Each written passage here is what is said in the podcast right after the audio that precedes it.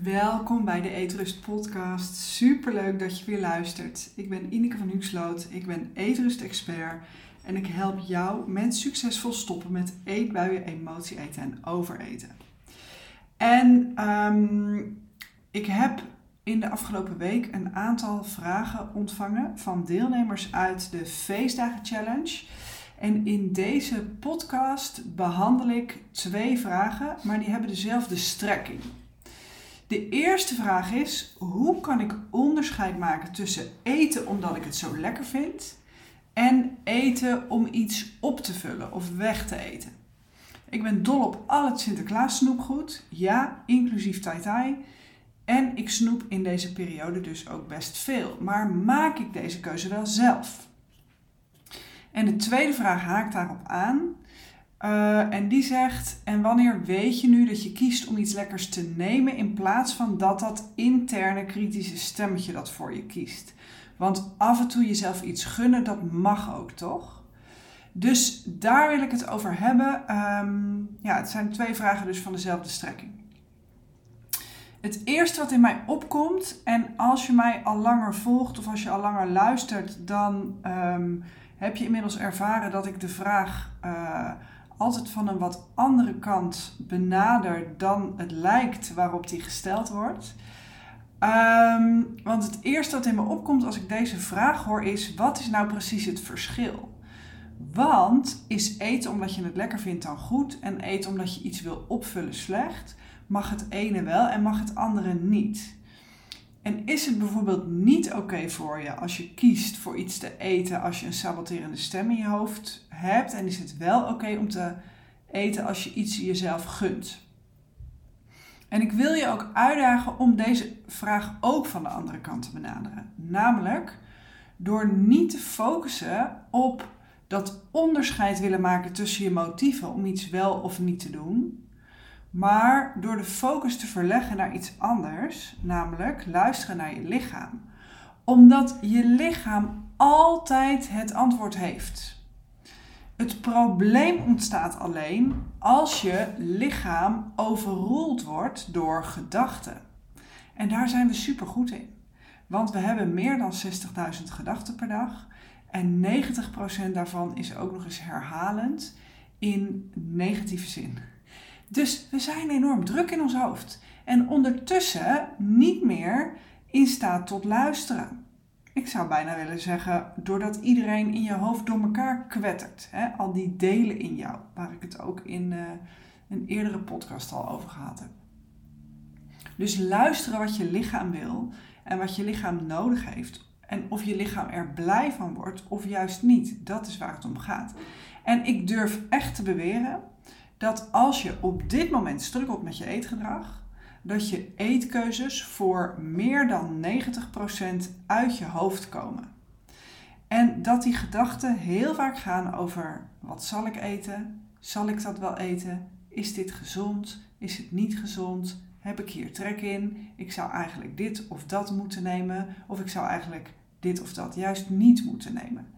En ik snap dat, uh, en ik heb er zelf ook heel veel ervaring mee, uh, ook in mijn eigen hoofd. Um, en het is niet constructief.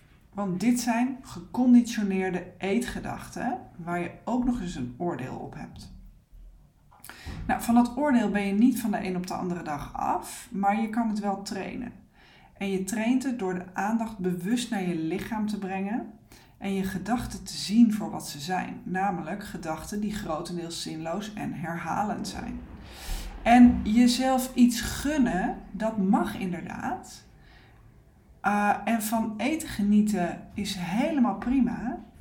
Maar wees eens heel eerlijk naar jezelf.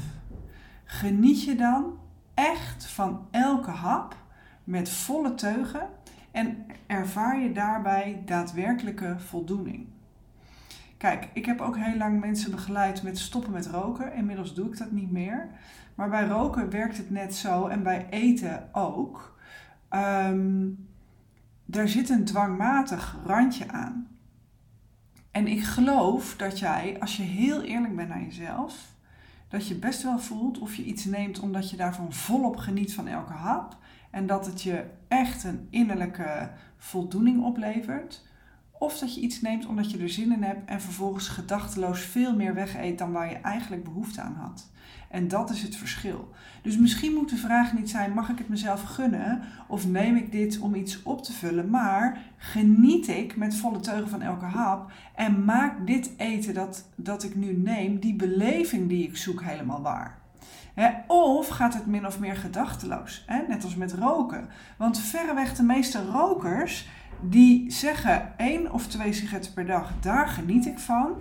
En meestal is dat de eerste op een dag en die na het eten. Dat zijn de lekkere sigaretten. En de rest wordt gewoon uit gewoonte opgestoken. En feitelijk hoef je dan dus niet te stoppen met een pakje per dag roken, maar te stoppen met die twee sigaretten per dag. Want dat zijn de sigaretten waar je het eigenlijk echt van geniet en waar je het om doet. Nou, met eten werkt het ook zo. Stel dat jij alleen die dingen neemt waar je echt volop van geniet, waar je helemaal kan opgaan in die smaakbeleving, dan is het prima. Want daarmee overeet je namelijk nooit. Want overeten is alweer destructief. En die dingen die je echt dus volop laten genieten en waar je helemaal die innerlijke smaakbeleving van krijgt, die eet je niet zes keer per dag. Dus ik hoop dat dit je ook helpt om voor jezelf een onderscheid te maken. En vooral om anders te gaan kijken naar de behoeften en jezelf dingen gunnen. En weet je, nog steeds is elke keuze helemaal oké. Alles wat je ervaart zijn namelijk alleen maar richtingaanwijzers waar je nog ruimte hebt om te groeien. En zolang er een destructief randje aan zit, dan mag je die onderzoeken.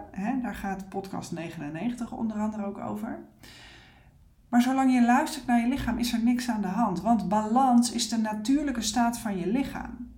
En van nature, als je kijkt naar dieren in de natuur, die in het wild leven, waar mensen zich niet bij bemoeien, die hebben geen overgewicht.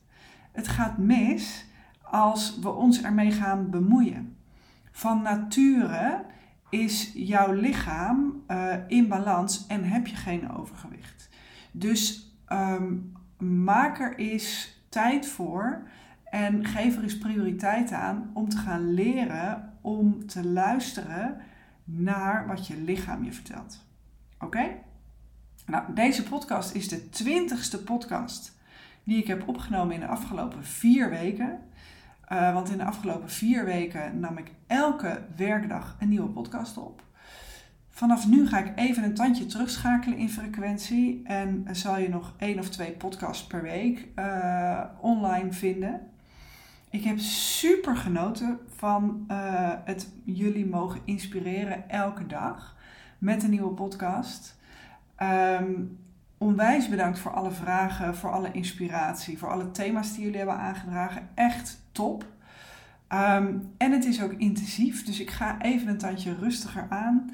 Uh, de feestdagen staan voor de deur, dus ik ga sowieso even wat uh, afschakelen, ook in de kerstvakantie. Maar zelf even wat rust gunnen en wat meer op het gezin uh, concentreren. Maar er staat in ieder geval genoeg online om mee verder te gaan intussen. Dit is aflevering 102. Dus um, luister ook vooral nog eens oudere afleveringen. Hè, in het kader van herhaling is belangrijk als je aan het leren bent. Was deze podcast nou waardevol voor je? Maar dat geldt uiteraard voor alle podcasts die je luistert. Vind je die waardevol? Zou je mij dan willen helpen? door een beoordeling te geven van deze podcast. Dat kan je doen op Spotify door naar de hoofdpagina te gaan. Dus waar eh, als je klikt op alle afleveringen en dan even helemaal omhoog scrollen, dan zie je drie puntjes naast elkaar uh, staan en daar kan je op show beoordelen drukken. En als je hem in Apple Podcast luistert, dan uh, kun je helemaal naar onderen scrollen en daar je 5 sterren beoordeling geven. Daar help je mij ontzettend mee. Dat betekent namelijk ook dat deze podcast steeds beter gevonden wordt door andere vrouwen. En het is nou eenmaal mijn missie dat uiteindelijk mijn boodschap overbodig wordt. Omdat dan elke vrouw een gezonde relatie heeft met zichzelf en met haar lichaam. En dus met eten. Um, tot die tijd, als je andere mensen uh, kent voor wie deze podcast ook waardevol is, stuur hem gerust door. Deel hem gewoon, want ik wil ook graag steeds meer andere vrouwen hiermee inspireren. Oké? Super dankjewel weer voor het luisteren. Uh, tot in de volgende aflevering en zorg goed voor jezelf.